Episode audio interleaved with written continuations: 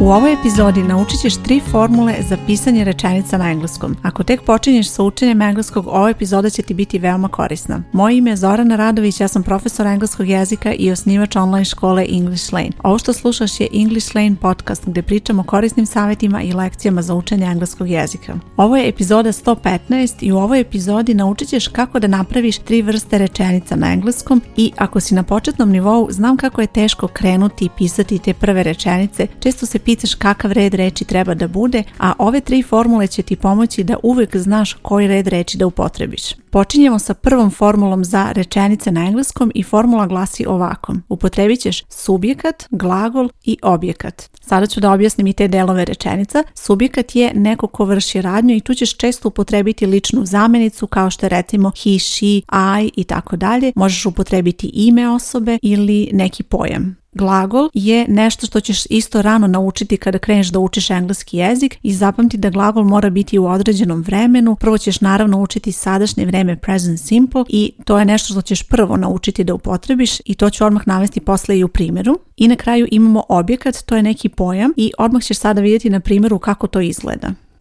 He buys bread. Ova rečenica ima subjekat he, on, buys, kupuje, to je glagol i imamo bread, to je objekat u ovoj rečenici.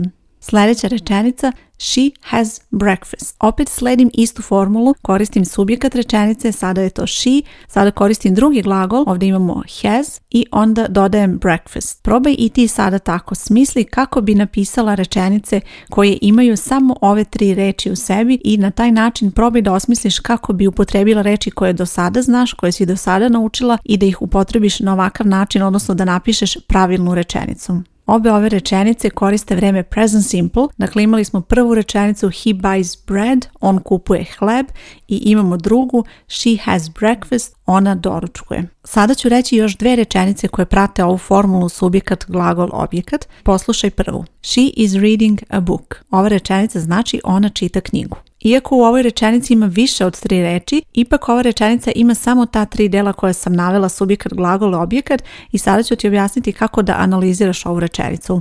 She je subjekat rečenice ona. Onda imamo is reading. Sve ovo zajedno je glagol u vremenu present continuous. Read je glavni glagol, is je pomoćni glagol koji nema značenje, dakle to zajedno čini glagol i onda imamo reč book koja ispred ima član, a book. Ovaj član je neophodan ispred ove reči, ali je i to dalje objekat, dakle nisu to dve odvojene reči, nisu dva odvojena elementa, već je to zajedno jedan objekat i dalje rečenica prati formulu subjekat glagol objekat, she subjekat is reading, glagol i objekat a book. Sljedeća rečenica His parents are painting the house.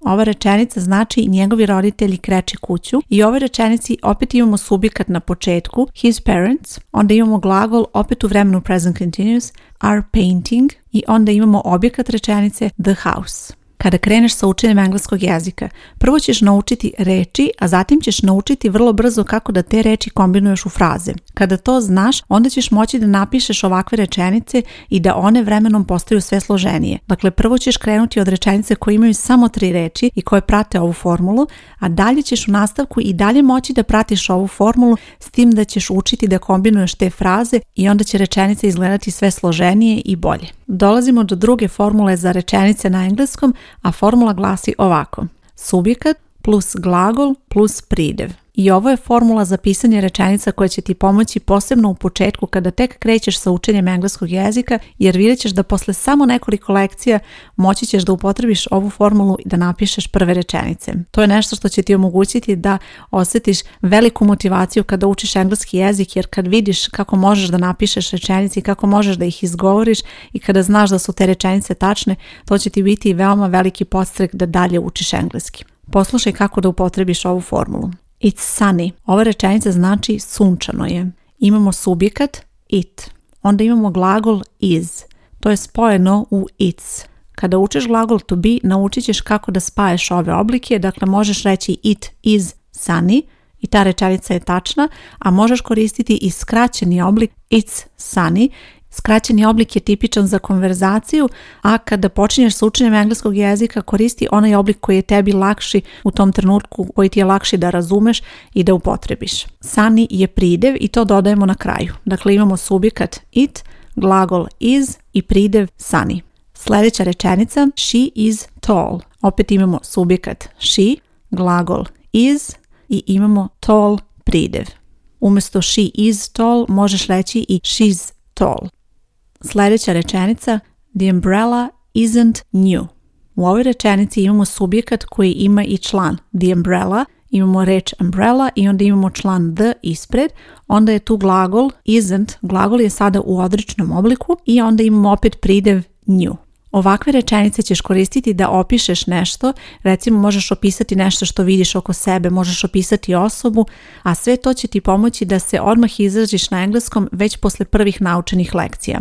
Naravno, vremenom ćeš naučiti kako da obogatiš i ove rečenice, kako da dodaš više prideva, koji red reči da zadržiš u takvoj rečenici, ali kreni od ove osnovne formule i probaj to da upotrebiš odmah kada kreneš sa učenjem engleskog jezika, dakle subjekat, glagol, pridev. Inače u svim ovim rečenicama upotrebljen je glagol to be i to je glagol koji ćeš koristiti posebno na početku kada krećeš sa učenjem engleskog jezika i u ovoj formuli mogu da se upotrebe još neki drugi glagoli, ali pre svega se osloni na ovaj glagol to be, posebno kada počinješ sa učenjem. Ukoliko pohađaš kurs engleski za početnike u mojoj školi, u zadacima koje radiš u okviru kursa probaj da primeniš ovakve rečenice, ove formule koje učiš, zato što je to nešto što će ti omogućiti da odmah vidiš kako napreduješ sa učenjem i da upotrebiš sve ono što učiš.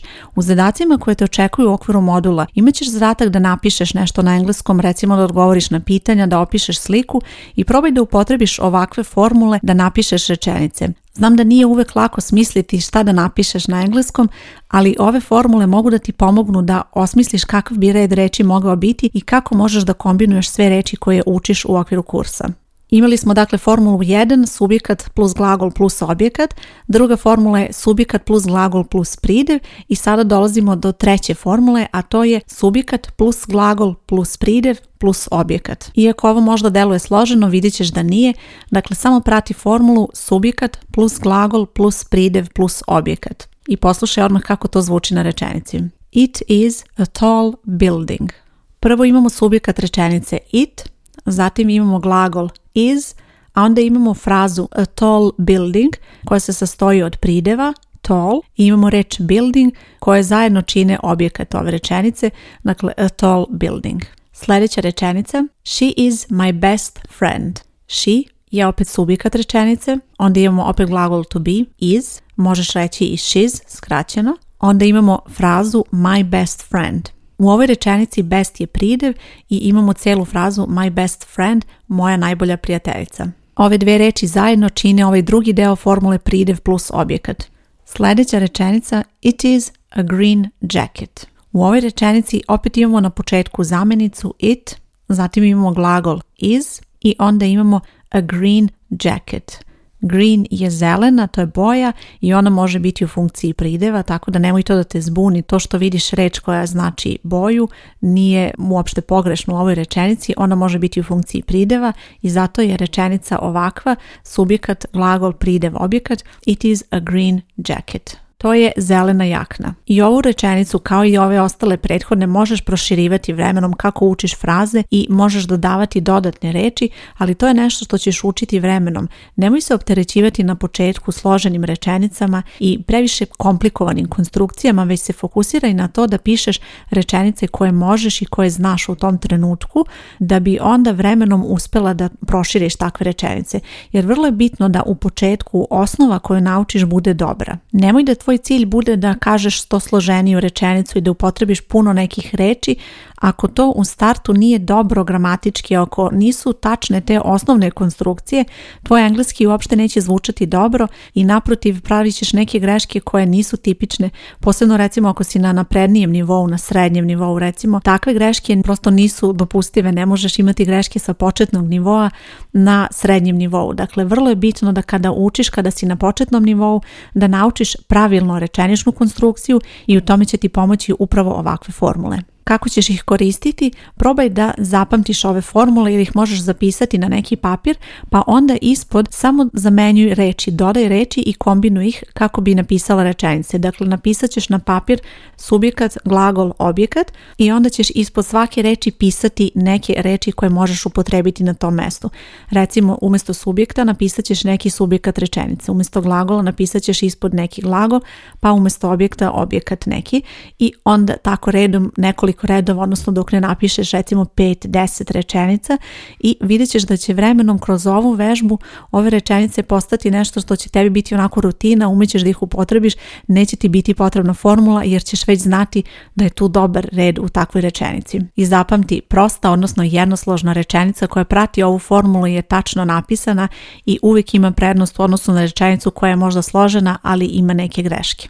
Tvoj engleski će biti bolji i precizniji i rečenice koje izgovaraš će biti tačne, iako možda na deluje da su suviše jednostavne. Jer kvalitet je uvek mnogo bitniji, mnogo je bitnije da učiš kvalitetno, a postepeno i da vremenom napreduješ, ali da napreduješ sa zaista stvarnim rezultatima i da imaš zaista to znanje koje treba da imaš na nivou na kom jesi. Inače, ako nisi polaznica moje škole, a slušaš ovu epizodu podcasta, kurs koji sam pomenula se zove Engleski za početnike i dostupan je u okviru moje škole. Škola se zove English Lane i na ovoj stranici gdje slušaš podcast ostavit ću link ka školi ili možeš potražiti English Lane online škola i tu ćeš pronaći sve detalje. Osim toga, na ovoj stranici ostavit ću i link ka još jednoj podcast epizodi gdje ćeš čuti pitanja za početnike koje će ti pomoći da započneš konverzaciju čak i na početnom nivou. Hvala ti što slušaš podcast i nadam se da će ti ove formule biti korisne kada počinješ sa učenjem engleskog jezika. Moje ime je Zoran Radović i čujemo se uskoro. Ćao!